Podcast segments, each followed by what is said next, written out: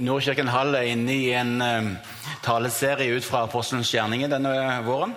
Uh, og vi kom til kapittel fire, uh, fem, i det området der.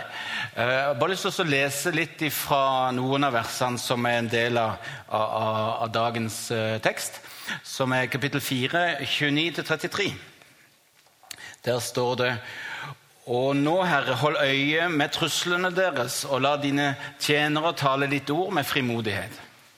Rekk ut din hånd så det skjer helbredelser og tegn og under ved navnet til Jesus, din hellige tjener.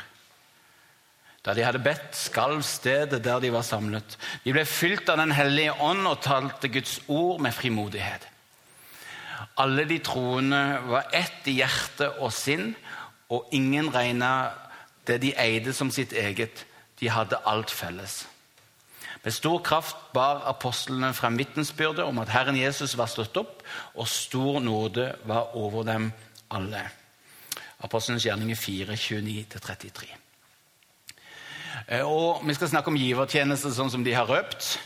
Eh, bare berømme alle dere som vågte å komme, både i det heftige været vi har i dag, og med tanke på, på temaet. Det var mange gode muligheter for å si jeg, vet hva, Vi skulle gjerne ha gått, men eh, det regner og blåser så forferdelig. Så eh, da hilser vi òg alle dere som hører dette på podkast i dag. Men vi skal snakke om givertjeneste fra en litt annen vinkel enn det du kanskje sitter og frykter. Eller tenker at, at det blir. Um, vi skal snakke om givertjeneste ut fra familiekultur. Eh, for, for, det vi leser her i Apostelens gjerninger, eh, eh, det er ikke først og fremst givertjeneste som slår imot det. Men, men det er i, i rammen av et fellesskap i motgang og i gjennombrudd at det snakkes om, om, om givertjeneste. En familie som har vokst ut fra pappa Guds kjærlighet. En kjærlighet som har ført til et folk av trygghet og tillit. Noe som i neste omgang gir frimodighet. Jeg kom fra, fra Bangkok i forrige uke og møtte der ledere fra over ti nasjoner og, og store nettverk. Et av de har eh, planta kirke i 70 land. Ikke 17, men 70 land. Det er liksom bare wow! Eh, å få lov til å henge med sånne folk. Og, og eh, enda mer høre vitnesbyrdet fra, fra, de og, og, egentlig de aller, aller fleste som var til stede der. Kirkefedrene fra Laos som har stått i, i, i eh, forfølgelse siden 1975 vært i fengsel i åtte år. Kirkefaren fra Kambodsja, som har ledet gjennom ut av folkemord og inn i vekkelse. Eh, den ene etter den andre. Eh, og, og dette nettverket eh, som har planta i 70 land, de forteller hvordan de har etablert en velfungerende kirkeplanterorganisasjon. Folk i kirka var ikke på en måte først og fremst kristne. De, de, de var kirkeplantere. De, de, hadde en identitet som kristne, men som kirkeplanter. Det, det gir deg et bilde av en organisasjon som, som, sender folk ut og sender folk ut og sender folk ut til å plante nye kirker i land etter land etter land. De var og er dyktige og har hatt mye suksess. Men fortell om hvordan erfaringen av pappa Guds kjærlighet ble et før og etter. For ut fra en erfaring av Gud som pappa som en god pappa, så ble kirka ikke lenger en organisasjon eller business, men det ble familie. Og, og, og det er der familiekulturen vokser fram. I en erfaring av og et møte med Gud som en kjærlig pappa. Og Det er jo et tema i seg sjøl som, som en kan, kan, bruke en hel vår på å gå inn i og få tak i. Men, men, men, men, det er det som er utgangspunktet. Og Her tror jeg det ligger en, en innsikt som vil forandre verdens kirke framover. Det er et eller annet som sprenger seg fram i land etter land, i kirkesamfunn etter kirkesamfunn langs disse linjene. Som forandrer hele måten vi er kirke på. Hvor vi ikke snakker Eh, vi snakker mindre og mindre om å være leder i kirka, og mer og mer om å være foreldre. Mer og mer om å være familie, mindre og mindre om organisasjon og businessprinsippet for å bringe Jesus ut. Det er, er noe helt spesielt på gang. Og, og um, det, det, er, inn i den konteksten at jeg ønsker at vi skal se på dette med, med givertjeneste. For ut fra familiekulturen er det mulig å se andre gudsrike kulturer vokse fram. F.eks. tilbedelseskulturen, som vi har vært en del av nå i, i formiddag. Eh, Guds nærværkulturen, som har vært en del av denne, denne formiddagen. Det, det, det, det, nærværet som var og er her i denne kirka, og er når vi lovsynger. Og Lovsangen er kanskje den enkleste døra vi har inn til Guds nærvær. Uh, det er en sånn type kultur som, som dere har, har, kultivert over lang tid. Og, og, og det gir sånn Å, kan vi bare fortsette? Må, vi slutte nå? Ja, vi, klokka og de og, da, da, ser du en, en, en, en tilbedelseskultur, en Guds nærværkultur, som, som, er i ferd med å vokse fram blant dere. Som, som bare Å, her var det godt å være. Mye av bønnehuset på mandag vokser jo fram av den samme kulturen. Vi ønsker å, å være i Guds nærvær. Um, så, så, Det er to eksempler. Du har, du har, godhetskulturen, du har den profetiske kultur, du har bredelseskultur, du har en oppmuntrende kultur, du har bibelkultur du har, det, det ulike gudsrike kulturer som i dag gjør det enkelt å være kirke. Eh, for, for, det er noe som bare leves ut, og, og som eser utover. Og hvor aktivitetene tar knekken på oss, så er det å være og så gjøre gjennom bare nesten å være noe som gjør det enkelt å være kirke. Som gir lave skuldre. Jeg hviler fiendene i hjel, sier Leif Hetland. Jeg hviler fienden i hjel. Um, det er for øvrig de, disse gudsrikekulturene som, um, som har gitt kirkene i, i, Bangladesh, Mali, Cuba, Finland, Nepal, Filippinene, Kambodsja, Thailand uh, Alle disse landene som jeg får lov til å, å, å være inne i. Det er det, disse gudsrikekulturene de sier igjen og igjen det forandrer måten vi var kirke på. Cuba, Biskopen på Cuba i den lutherske kirka i Cuba sier der det er fire menigheter som har vært en del av Agenda 1 og fått tak i disse kulturene, som har dobla antallet på gudstjenestene sine. Før så var det fordi vi stjal de fra noen andre menigheter. Men når vi nå undersøkte, så var det folk som hadde kommet til tro, for noen i menigheten hadde bedt for dem. De hadde fått tilgang til en helbredelseskultur som ga dem tro for å og Det starta med at en av deltakerne datt ned en forferdelig steintrapp og lå nesten som død i bånn. Og noen av teamet eh, fra Norge gikk rett hen, ba for ham, han reiste seg og så, var helt forandra. Og de sa hva, er det, Og så fikk de lov til å ta det inn i en kultur. Og så, de neste seks månedene så ba de for naboene sine. Så delte de Jesus på en enkel måte. Det, det, var, det var, en begynnende kultur som hadde dobla antallet eh, i flere av de menighetene. Når Jesus etter oppstandelsen snakka med sine disipler i 40 dager om Guds rike, så tror jeg det bl.a. handla om, om, å etablere Guds rike kultur i Jerusalem, i Judea, i Samaria og til, like til verdens ende. Eh, han ga allerede før det bildet av gjær som ble lagt inn i var det surdeig eller bare deig, og så bare eser det ut. Guds rike er å ligne som en gjær. Det der handler om kulturer som bare eser ut og forandrer. Guds rike kultur vokser fram av bibelske prinsipper. Um, et prinsipp er at Gud er nær. Se, jeg med dere alle dager inn til verdens ende. Det, det, er et prinsipp i Bibelen om at Gud er nær. Han er ikke fraværende, han har ikke sovna, han har ikke dødd ut, som Nietzsche ville ha sagt det. Han er nær. Det, det, er, et, det er et prinsipp. En kultur blir det når vi går for det prinsippet eh, og kultiverer det eh, lenge nok til at eh, vi får en kultur av Guds nærvær. Sånn som dere har kommet veldig langt i. Et annet prinsipp er at Gud er helbreder. Det er prinsippet. De fleste kristne vil være enig i dette, men veldig få har, har en helbredende kultur. Men prinsippet først, og så kultiverer en at Gud er helbreder.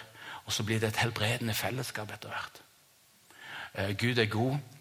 så, så, blir det en godhetskultur. Så, eh, så, så, det begynner med prinsipp, og så kultiveres det. Det, det gis fokus, og det, det blir etter hvert til sier.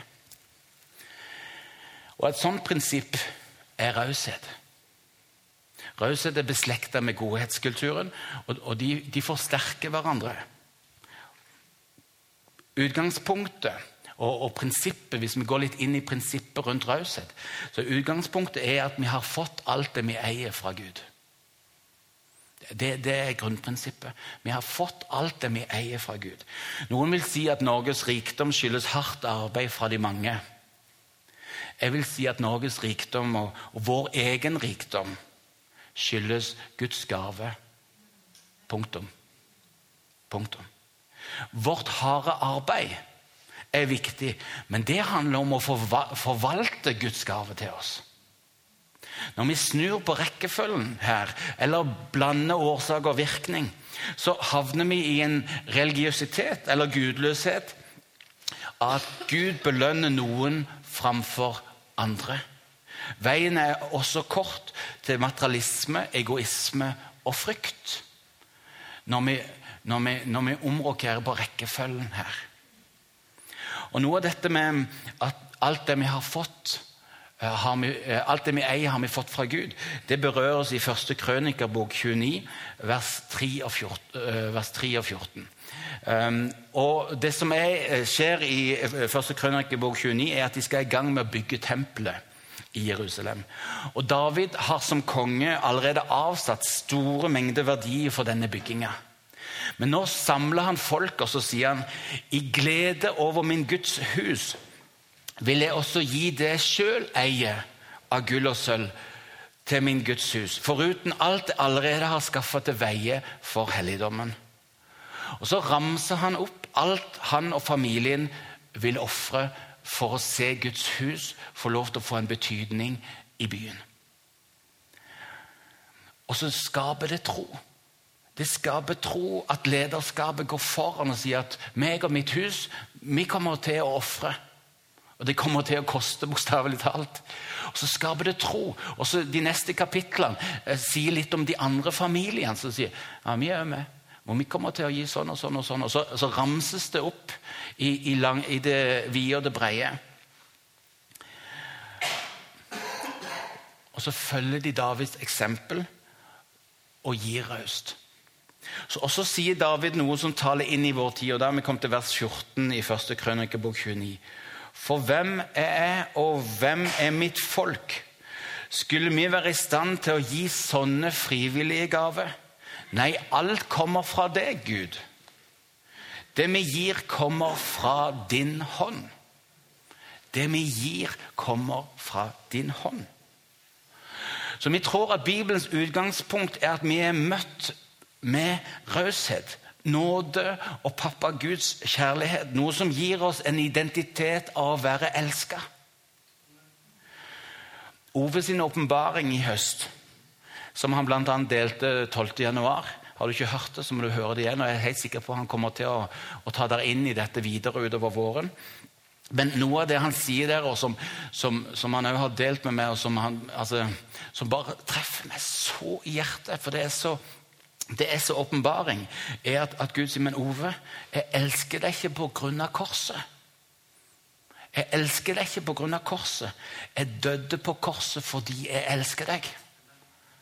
Og Det høres ut til å være nesten det samme, men det er en sånn dyp åpenbaring over det som, som uh, Helt enormt. Og ut fra denne åpenbaringen blir vi barn av en elskende pappagud. Og Om du følger IMI i Kirkens podkast, så kan du akkurat nå få tre søndager om raushetskulturen.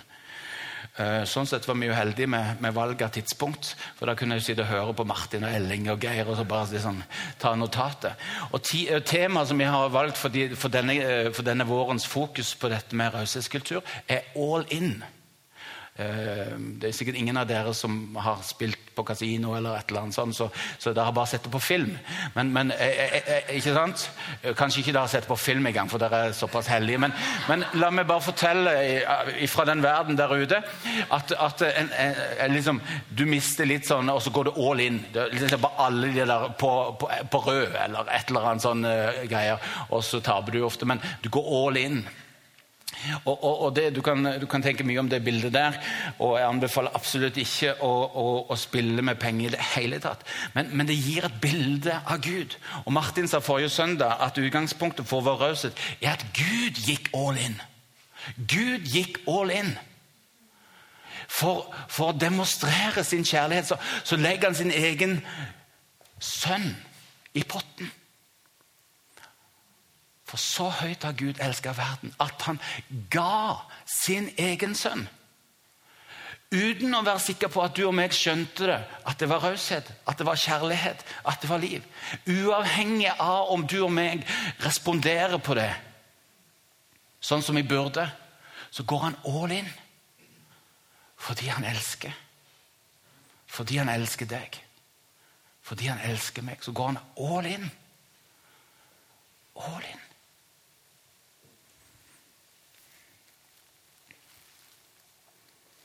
Ikke med noe annet mål enn å vise hvor høyt du er elska, sier Martin.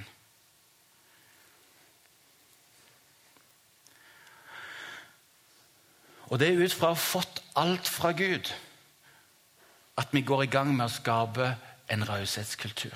Prinsippet ligger der, i en Gud som er raus. Det er ut fra det at vi begynner å utvikle en, en, en kultur mellom oss av raushet. To og to eller tre og tre, alt etter sånn som der sitter. Bare fortell hverandre litt om hva du tenker Gud har gitt deg. Alt er lov. Kjør på. Bra. Det, dette kunne vi holde på med helt til i morgen tidlig. Med å bare dele uh, det Gud har gitt deg og oss. Um, når han går all in, så, så det er virkelig all in. Og, og, og Guds raushet er så uendelig stor på så mange nivåer og felt. Og så radikalt. Prinsippet om raushet har helt andre vekstvilkår når det får vokse i en sann identitet av at alt vi har fått, kommer fra Gud. Våre evner, krefter, vår tid, landet vi bor i Det er egentlig ekstremt lite vi har kunnet gjøre for å få alt det der. Men det er helt avgjørende for at vi har klart å få tak over hodet mat på bordet og vel det. Og vel det. Jeg har med meg Svein Teistedal, leder for IMI Grimstad. God venn. Radikal bedriftsleder og, og disippel. Um, jeg har lyst til at han skal dele litt om hans forhold til raushet. Ta vel imot ham.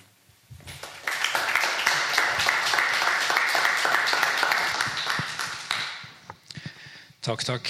Ehm, det er jo egentlig ikke noe mer å si når Terje har vært her og, og hatt de flotte ordene om, om raushet og sånn, så, så er det nesten ikke vits i at det står her.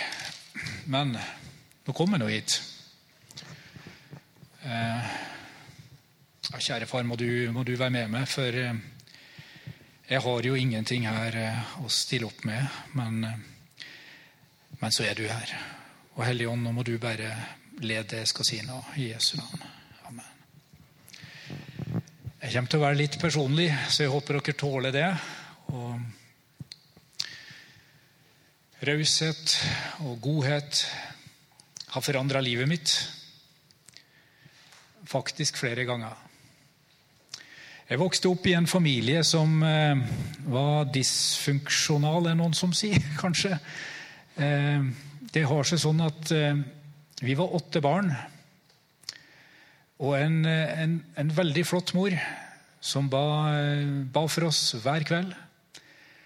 Og en far som fikk problemer. Han var sveiser. Han, han var for så vidt og ansatt litt på et skipsverft her i Mandal en liten periode. Og så fikk han migrene av sveisinga, så han eh, måtte gi seg. Ble arbeidsledig og eh, tok tak i flaska. Ble fanga i alkoholens eh, nettverk. Eh, på en voldsom måte. Eh, sånn at hadde det vært i dag, så hadde det ikke vært tilrådelig at det skulle være barn i huset. Men den gangen så var vi åtte barn. Så var det noen som stilte opp med noe raushet til de grader. Det var et lederskap på en folkehøyskole i Nordland som sa det at vi har en ledig leilighet. Dere kan komme hit og bo her. Med de åtte barna og med denne pappaen som, eh, som hadde disse veldige problemene. Så vi fikk flytte dit. Og de hjalp pappa litt. Han fikk jobb litt, sånne små, småting der.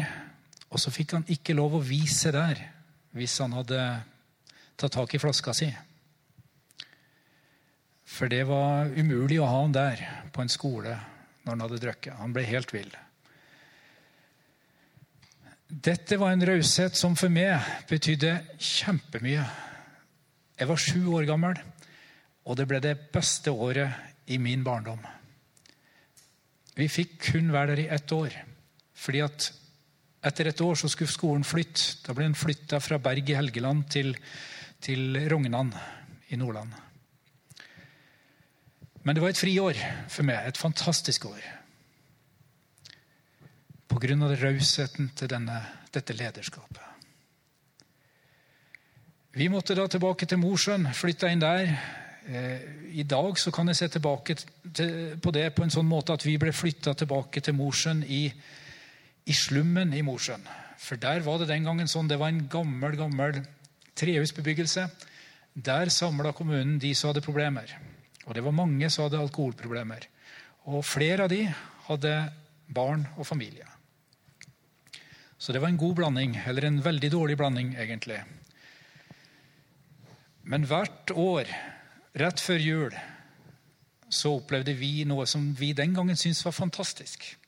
Da kom det folk fra Frelsesarmeen med en stor eske med julegodter og julemat. Det var som en julaften for oss. Å sitte her sammen med, med mamma og åpne opp og se hva er det vi har fått denne gangen. Og Det var jo helt fantastisk, for det var sånne ting som vi ikke hadde råd til.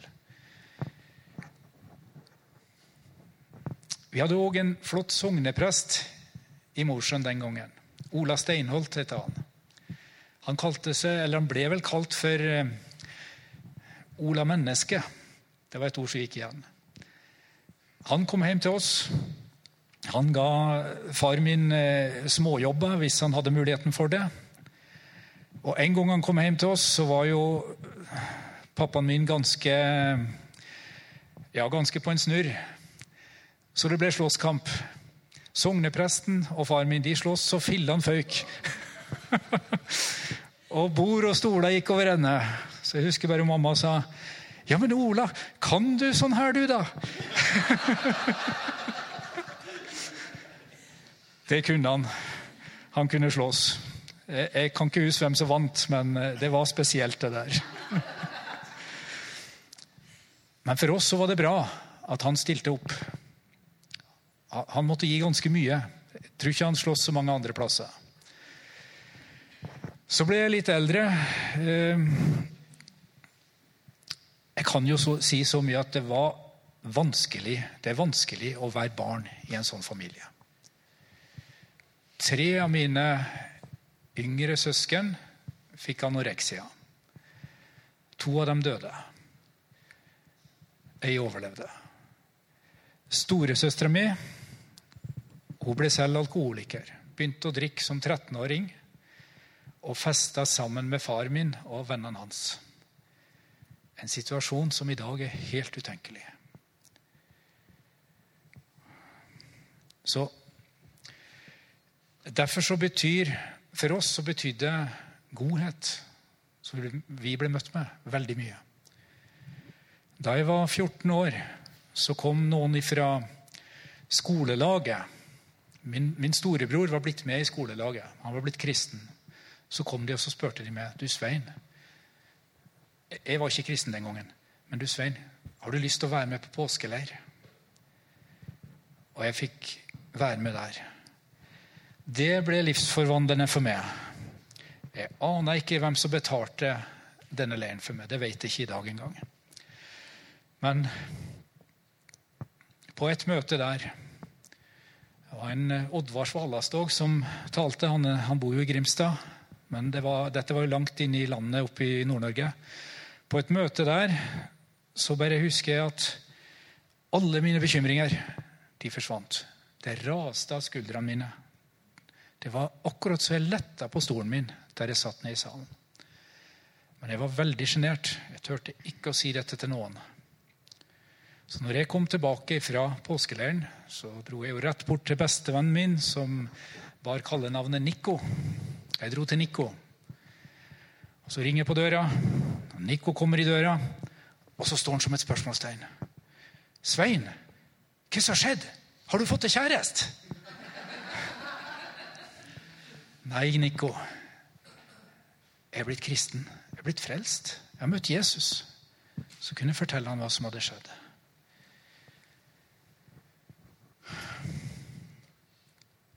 Det å være mottaker av godhet og raushet, det er en fantastisk følelse. Og det betyr uendelig mye. Det lærte meg sjøl å dele og gi hvis jeg hadde noe å gi. Å stå sammen med folk hvis det var mulig. Men jeg skulle bli ganske, ganske gammel før en god venninne av oss utfordra meg og kona mi til å begynne å gi tienden. Vi gjorde ikke det. Det er ca. 15 år siden. Vi hadde ikke så god råd, for vi levde på én inntekt og hadde seks barn.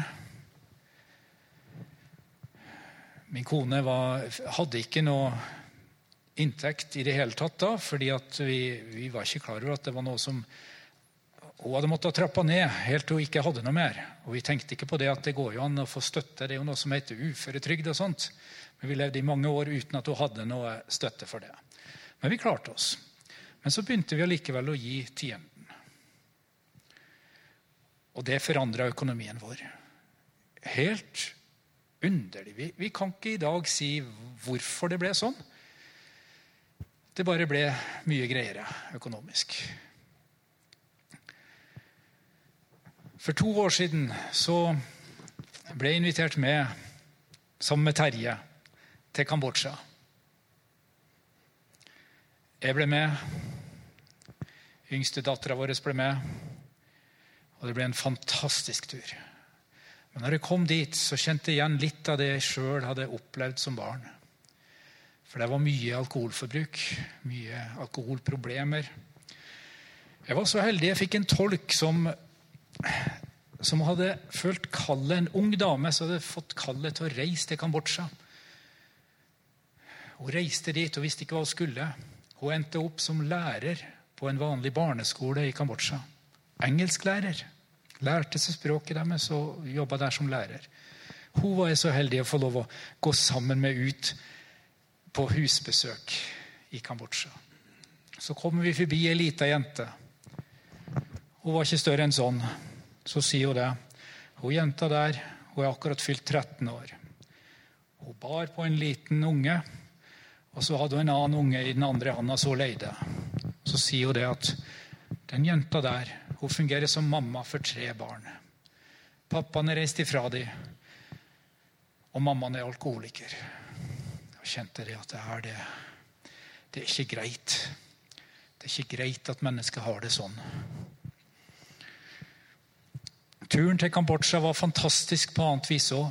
Fordi det var akkurat som når du åpner Guds ord, slår opp i apostlenes gjerninger og ser hva som skjedde. Det samme skjedde når vi gikk ut i Kambodsja. Gud var til stede med sine under og tegn. Ba vi for noen, så ble de gjerne øyeblikkelig helbreda. Eller de ble sterkt møtt av Gud og fikk fred i hjertet sitt. En fantastisk reise. Et fantastisk arbeid du, Terje, står i i Kambodsja. Det må jeg bare si. Jeg kom tilbake fra Kambodsja. Så går det en liten stund, og så kommer det et rop om hjelp fra Terje.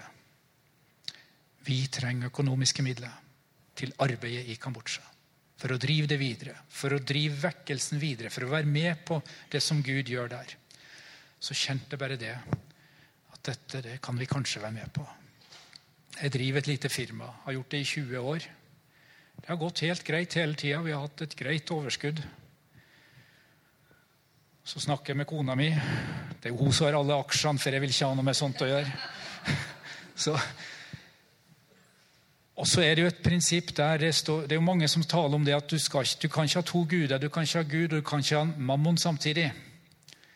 Og det er helt sant. Men vi kan ha Gud, og så kan vi utnytte mammon. Vi kan bruke den. Ja. Så vi bestemte oss for å trå til litt. Så tenkte vi det, ja, men det går jo an å gi tienden fra firmaet òg. Så vi tenkte vi prøver det, så ser vi hva som skjer. Dette er knapt to år siden. 2017. Regnskapet for 2017 var jo Nei, dette var i 2018, men regnskapet for firmaet for 2017 det, det var helt bra. Og så er det godt nå. har jeg nettopp fått regnskapet for 2019. Og vi har en omsetning som er 2,3 ganger større enn den var i 2017. Prisherren. Prisherren og et overskudd som er nesten tre ganger så stort som den gangen. Så midt oppi dette så vil jeg bare dele det som Gud sier en gang har sagt om tienden. Malaki 3, vers 10. Kom med hele tienden til forrådskammeret, så det finnes mat i mitt hus. Prøv meg på denne måten. Det er ikke mange plasser det står i Bibelen at du skal prøve Gud. Vi skal helst ikke prøve han. Men prøv meg på dette, sier Gud. Sier Herren over hærskarene. Og så kommer det til slutt. Jeg skal sannelig åpne himmelens sluser og øse ut over dere velsignelse uten mål. Det er det vi har kjent på. Det er akkurat som Terje sa her i Stavanger, møtte han under åpen himmel en gang. Så sier han det. Du Svein, det er nesten så jeg får lyst til å spekulere i det her. spekulere i godhet. Yes. Takk. På den andre sida, og Anne Liv og, og, Svein og bedriftens givertjeneste har, eh, har, bidratt til at vi kan hente inn 125 evangelister til, til treningsopphold hver sjette måned. Uh, og um, la de få lov til å hvile ut i Guds nærvær, få lov til å høre, høre til. Dette er evangelister som mil etter mil bringer ut frelse til folket. Et, et av og til ensomt sted å være, og så får de lov til å komme inn og få nytt påfyll, ny undervisning, nye ideer, ny inspirasjon, og, og høre til. Ca. 10 000 nye kristne hvert år gjennom de evangelistene. Og 1000 nye huskirker de siste tre årene. Um, Oh, ja, nei, oh, det, det, skjer hele tida i Mandal. Det glemte jeg helt å Skal vi se Altså 10 000 nye kristne hvert år. Uh, og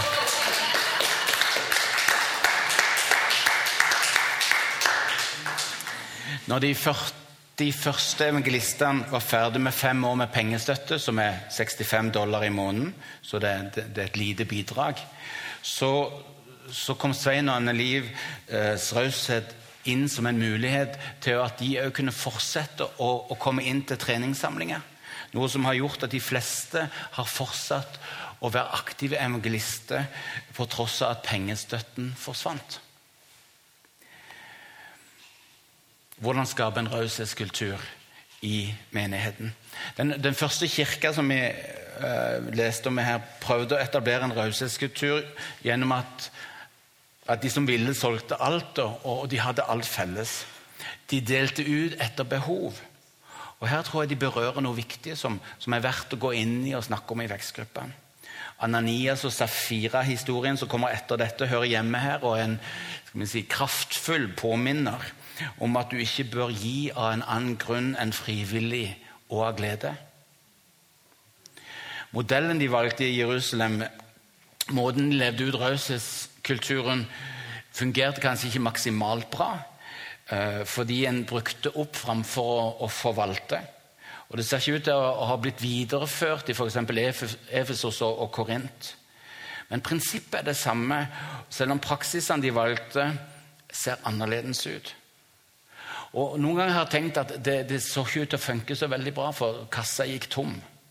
En måtte ha innsamling i alle de andre kirkene rundt i, i verden for kirka i Jerusalem. Men jo mer jeg tenker på det, så, så, så var kanskje det for Jerusalem-kirka avgjørende at de valgte å bygge en raushetskultur gjennom å selge alt og ha alt felles. Fordi um, ikke så lenge etterpå så ble det et liv i forfølgelse. Så kanskje var det akkurat den raushetskulturen de trengte der. Men hvordan bygge en raushetskultur i 2020?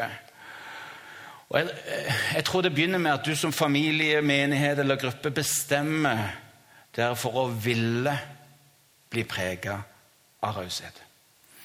Eh, ingen av Guds rike kulturene oppstår omtrent eh, Omtrent aldri så oppstår det med, med flaks og tilfeldigheter. Jeg har faktisk aldri hørt om det, men kan jo være at Guds nåde av og til slår inn. Men det trengs et, et lederskap som staker ut en kurs. Eh, det er vanskelig å se for seg eh, at det kan begynne på noe annet vis enn at dere som menighet bestemmer derfor. At lederskapet bestemmer derfor at denne kulturen vil vi se vokse fram iblant oss.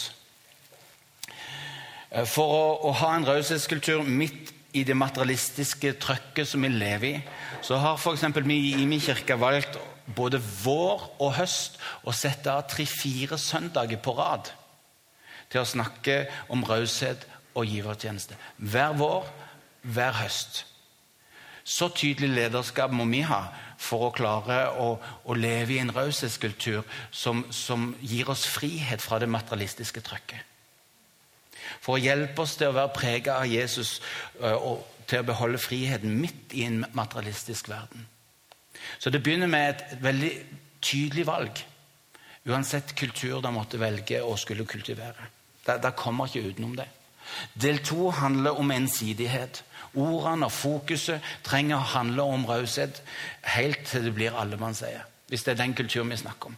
Og Snakk om det, feire det, snakk om det igjen. Fokus eh, etter hvert kommer fram til ord om at vi er jo en raus menighet. Vi elsker jo å gå langt i raushet. Eh, Nordkirken Hall skal bli kjent for å være den rause menigheten som er først ute når noen i byen trenger det.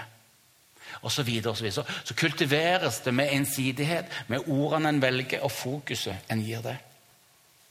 Dere vil f.eks. få veldig mye hjelp med å feire raushet gjennom å fortelle historier og vitnesbyrd om, om, da en fikk mulighet til å være raus. Og, og det, det, gjorde vi en, sånn som Svein nettopp gjorde. Det skaper tro. Det skaper fokus. Det inspirerer oss. Det, oh, jeg vil òg være med på det han forteller om. Oh, det der er jo helt fantastisk. Å høre hva det fører til. Jeg vil òg være en del av det. ikke sant? Eh, så eh, Del to handler om ensidighet. Og Del tre handler om å velge seg konkrete praksiser. Og gjerne så enkle praksiser at alle kan forstå det, huske det og gjøre det. Uforståelig, uoppnåelig og utilgjengelig praksiser fører ikke til noe enkle praksiser som er mulig å se seg sjøl inn i, skaper felles bevegelse. Og så er det to veier inn i dette som forsterker hverandre. En vei hvor forståelse peker mot praksis, og hvor praksiset peker mot forståelse. Når, når, en, når en går inn i dette fra de to veiene samtidig, så er veien mye kortere til at det blir kultur av det. Og må du velge en av de veiene, så velg praksiser. For de bringer deg mye fortere inn i kultur enn forståelse gjør. Noen ideer. Raushet gis stor drahjelp med at en begynner som familie, gruppe og menighet å gi bort penger til andre. Og, og, og Det er mye du kan gi bort, og komme tilbake til det, men penger i vår materialistiske verden er så effektiv for å skape raushetskultur. Fordi det sitter så dypt i oss. Det, det, det, det, er så tabu. Er, det er så sterke åndsmakter over dette temaet som vil holde oss borte fra friheten vår. At det å begynne å gi bort penger eh, eh, Bare dra det rett inn i raushetskultur umiddelbart. F.eks. å samle familien din og be om hvem du skal gi 5000 kroner til i nabolaget. Det er kjempegøy. Og det, det røsker deg inn i en raushetskultur, for, for, det gjør noe med det. Hva sa han? Sa, sa han 5000 kroner til en av naboene våre? Tenk på Stjernøya, dere som bor der. Be, be på, hvem på øya skal vi gå og gi 5000 kroner til? Banke på døra, en konvolutt, 5000 uh, uh, penger kontanter. Og så banke på og si vet du hva, jeg har bare så sansen for måten dere er familie på, og at dere er en del av nabolaget. Jeg hadde bare lyst til å gi dere en liten hilsen. Gi konvolutten, og så gå. Når de kommer inn og lukker opp og tror det er et kort, og det ligger 5000 kroner der um, De er sjokkert. De er så sjokkert at det gjør mye med de, men det gjør enda mer med deg og familien. Du kan bare gå opp til 10 000 hvis du vil, men, men, men, men velg noe som røsker sånn at du tenker oh, det kommer denne måneden til å gå bra. Jeg kan love det, det kommer han til å gjøre. Ifølge Svein så, så lønner det seg. Og Det er min erfaring òg. Uh, har du tenkt å betale for alt det der? Ja, vet du hva? Fordi at uh, uh, raushet, det lønner seg jo. Og, og, og mitt vitnesbyrd er at jeg har aldri mangla noe. Det har vært tomt på kontoen, men jeg har aldri mangla noe konsekvent å betale for folk som ikke får bankkortet sitt til å virke på, på, på butikken. En, en, annen sånn praksis. Konsekvent. Det, du, du, må ikke så lure på skal jeg gjøre det eller ikke. Men konsekvent bare eh, Og etter hvert eh, vi, vi, har jo faktisk satt et budsjett sammen som familie, sånn at vi kan gjøre det i, ganske raust. For det koster jo litt. For når du runder rundt der, så har du jo kjøpt både snus og alkohol og masse godteri. Og, ikke sant? og du bare liksom 'Jeg tar den.' Og du tenker 1500 for alt det der. Det røsker det. Så vi har satt budsjett, sånn at det går greit. Uh, og, og, det er faktisk blitt det sånn at jeg av og til tar meg i å be om at Gud, må du la det kortet ikke virke. Og En gang så sa Gud hun der kommer ikke til å få kortet sitt til å virke. Eh, og jeg, og jeg tenkte hei, uh, jeg gleder meg. Og så jeg bare tok fram kortet, sto klar. Og så virker det. Og jeg tenkte, hva, hva var det, Gud? Og så, og, og så, ja, ja, Men hun tok varen og gikk. Og så plutselig så kommer hun tilbake. 'Å, du, ungene hadde, eh, hadde noen sånne juicegreier på innerlomma som jeg ikke fikk betalt for.' Jeg tar det. Hæ? Tar det var 11 kroner eller et eller annet latterlig. Og hun var helt slått ut. Jeg har aldri sluppet så billig fra det. Hanne, du må komme. Du har jo bidratt med i den galskapen og begynner å gjøre dine egne erfaringer. Fortell oss litt. Um, bare begynne med det der å bestemme seg for det heller å bli Jeg tror alle har egentlig lyst til å leve raust. Og vi har lyst til å gi raushet, vi har lyst til å dele, og vi har lyst til å bety en forskjell eh, der vi er. Og jeg hadde to kamerater når jeg var, eh, gikk på folkehøyskole, og de haika rundt i Norge. Og uansett hvor de skulle, så haika de. Og så var de veldig frustrerte, for ingen som stoppa og tok dem med. Det tok liksom så veldig lang tid å komme seg fra det ene stedet til det andre. Så de var liksom alle oss rundt bare Dere må alltid ta med haikere. Dere må alltid ta med haikere. Dere må alltid ta med haikere. For du veit på en måte det at hvis du skal begynne å tenke Når du ser haikeren, hvis du da begynner å tenke «Øh, Har jeg plass? Hvor skal jeg? Har jeg så har du liksom to kilometer forbi når du har funnet ut Ja, jeg kan stoppe og ta dem med. Da var det liksom det toget gått. Eh, så for meg så var det en sånn trening på liksom sånn Hvis jeg ser en haiker, så skal jeg ta den med, med mindre du liksom har fem stykker i bilen. og ja. Hvis ikke noe liksom umiddelbart taler imot det. Og det tror jeg er en god greie på dette, og det å liksom løfte bevisstheten på det, eh, som gjør at du er litt mer forberedt når den situasjonen oppstår, og så er du der litt fortere. For hvis du bruker for lang tid på å tenke, så har de funnet noen andre løsninger og, og de tinga.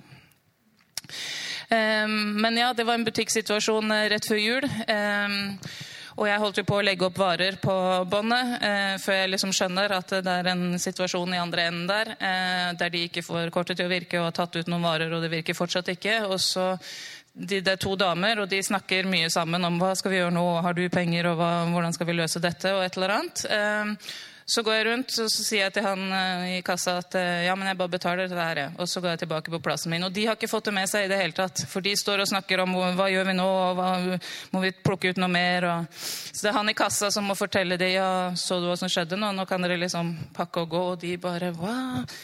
Um, og det var to damer som det var tydelig at de hadde ikke hatt et veldig enkelt liv. Um, og det som ofte vi møter på når vi trener på dette med raushet, er at det er ikke så lett å ta imot. Eh, men disse to damene, eh, de kunne ta imot. Så hun kom og ga meg en kjempeklem og var så takknemlig. Eh, men det må vi jo trene på. Vi må trene på å stå i Hva gjør vi hvis de som vi gir til, ikke klarer å ta imot? Hvordan kan vi bringe trygghet inn i det og, og, og stå i det? Det der å gi og velsigne noen med noe. Eh, selv om de vil slite med å ta imot. For ofte når du betaler på butikken, så får du en sånn 'Ja, jeg skal vippse deg', og, og, og liksom, føre over på banken, og liksom eh, Og hvordan kan vi liksom Ja, velsigne noen andre. Gi det videre. Utfordre de på å heller eh, bruke de pengene til å, å gi det videre til noen andre. Så snakka dere litt i gruppene om uh, hva har jeg i hendene, eller uh, hva har jeg å gi, eller hvordan uh, er jeg skrudd sammen, hva, hva faller lett for min del. og for meg så det, handler det noe om at gaver er et av mine kjærlighetsspråk. Så det å gi gaver, det kommer ganske sånn ubevisst inn. At en går i butikken og så ser noe, og så Oi, det minte meg om den personen. Eh, og da har jeg gjort det til en regel å liksom, ja, men da kjøper jeg det og sender det i posten. Eh, eh, bare sånn, Selv om det er folk du aldri gir gaver til ellers, eller noen ting. For da, da, bruker jeg det som en mulighet til at kanskje Gud minte meg om den personen nå. Kanskje den trengte en oppmuntring nå. Eh, for, og for meg så faller det lett, så det er liksom, en må bruke de tinga som er ens egen utrustning, eller det som Kanskje gjør du dette helt ubevisst. Det er helt ubevisst kompetanse. Eh, men hvordan kan vi trene på å gjøre det litt mer bevisst? Eh, disse tinga gjør vi, liksom. Nå poppa det opp på Facebook at den hadde bursdag. Ja, da stikker vi innom med litt ballonger, liksom. For ballonger? Hvem kan ikke bli glad når de får ballonger, liksom? Eh, utnytt de tinga du har, istedenfor at sånne, de eksemplene vi nevner nå, liksom skal bli begrensende. At det, dette er godhet, eller dette er raushet, eller sånn ser det ut. Liksom, det kan se ut på tusen andre måter, men hvordan kan du bruke det som er dine ting, eller det som faller lett for deg, eller kanskje elsker du å bake, liksom. Eh, stikk innom naboen med noen boller, og så blir det kanskje en prat av det, og så, ja, så er det med å bygge eh, noe av den raushetskulturen.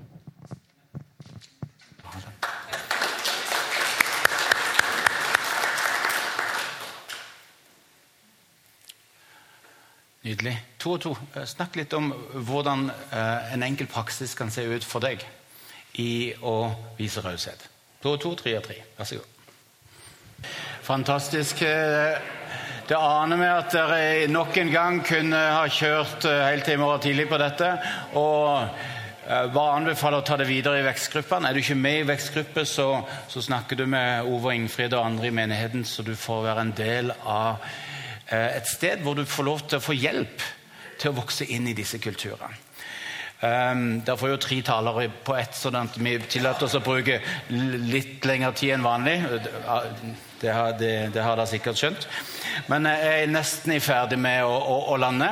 Og, men jeg bare lyst til å si litt at som menighet òg, så vil det å sette seg modige givermål til misjon uh, være med å dreie fokus. Når vi gir over evne, så strekkes vi, og, det skaper kultur.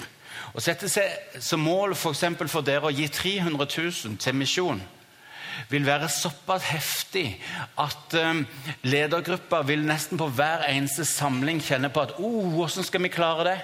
Tro meg, det som virker over evne, når dere kommer opp på det nivået, så ser dere at det er mye enda mer evne til stede, og det kan nå enda lenger. Eh, og, og F.eks. 300 000 vil være helt innenfor rekkevidde for en gjeng som dette her. Uten problem, faktisk. Eh, selv om det vil, de vil røske. Men, men det, det, er hovedpoenget. Fordi Mye viktigere enn pengene er det at det skaper en raushetskultur i menigheten. Og det har i seg en kraft til å, til å forandre Mandal. En kultur gjør at vi får hjelp til å leve ut over tid det som vi anser som viktig. Når en menighet har en gudsrikekultur, eh, så trekkes nyankomne nesten umiddelbart inn i disse kulturene. Når jeg er sammen med folk som har en profetisk kultur, så begynner jeg å profetere. Ikke bare profetere, men jeg profeterer med så mange detaljer at enten så er det rett, eller så er det feil. For jeg trekkes inn i en profetisk kultur som, som, som drar meg inn i noe som jeg vanligvis ikke lever i. Når raushet blir allemannseie, sliter materialismen med å trekke oss inn i frykt og egoisme. Og når raushet blir allemannseie, så gir det menigheten slagkraft til å sjokkere verden med godhet. Amen.